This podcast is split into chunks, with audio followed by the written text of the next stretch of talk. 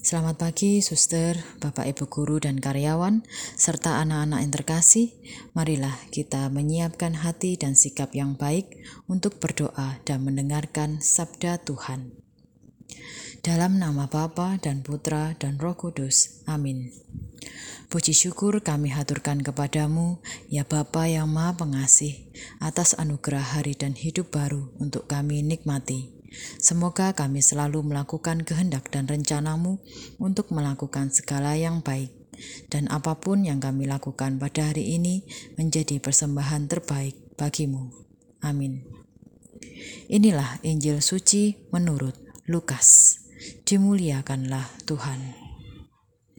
Yesus memasuki kota Yeriko dan berjalan melintasi kota itu. Di situ ada seorang kepala pemungut cukai yang amat kaya bernama Zakheus. Ia berusaha melihat orang apakah Yesus itu. Tetapi tidak berhasil karena orang banyak dan ia berbadan pendek. Maka beralihlah ia mendahului orang banyak, lalu memanjat pohon ara untuk melihat Yesus yang akan lewat di situ. Ketika Yesus sampai ke tempat itu, ia melihat ke atas dan berkata, Sakeus, segeralah turun. Hari ini aku mau menumpang di rumahmu. Sakeus segera turun dan menerima Yesus dengan sukacita. Tetapi semua orang yang melihat hal itu bersungut-sungut. Katanya, ia menumpang di rumah orang berdosa.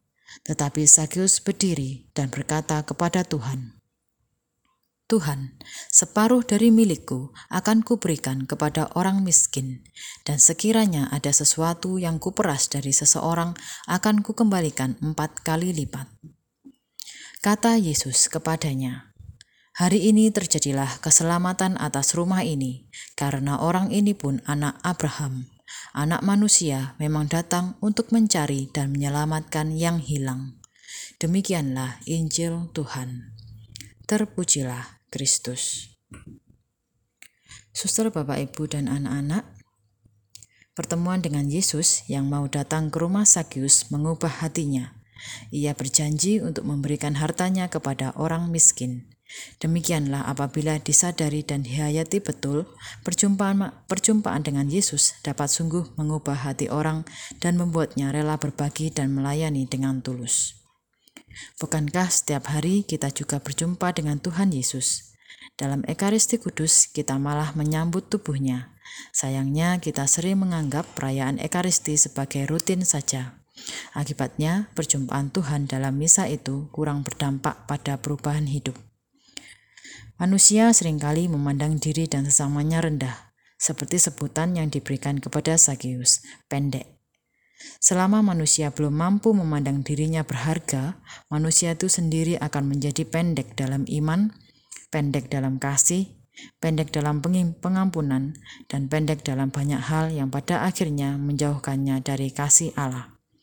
Hal inilah yang membuat manusia sering terseret oleh arus dunia dan tidak sanggup bertahan dalam berbagai percobaan dan penderitaan.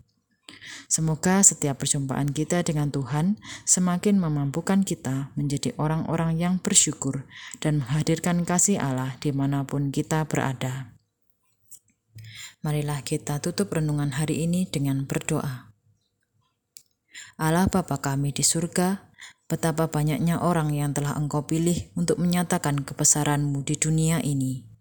Terima kasih atas keteladanan orang-orang kudus pilihanmu yang telah memberi semangat hidup bagi kami. Berilah kami kemampuan untuk menjalani hidup kami dengan suci seperti orang-orang kudusmu itu. Dengan pengantaran Kristus Tuhan kami. Amin. Dalam nama Bapa dan Putra dan Roh Kudus. Amin.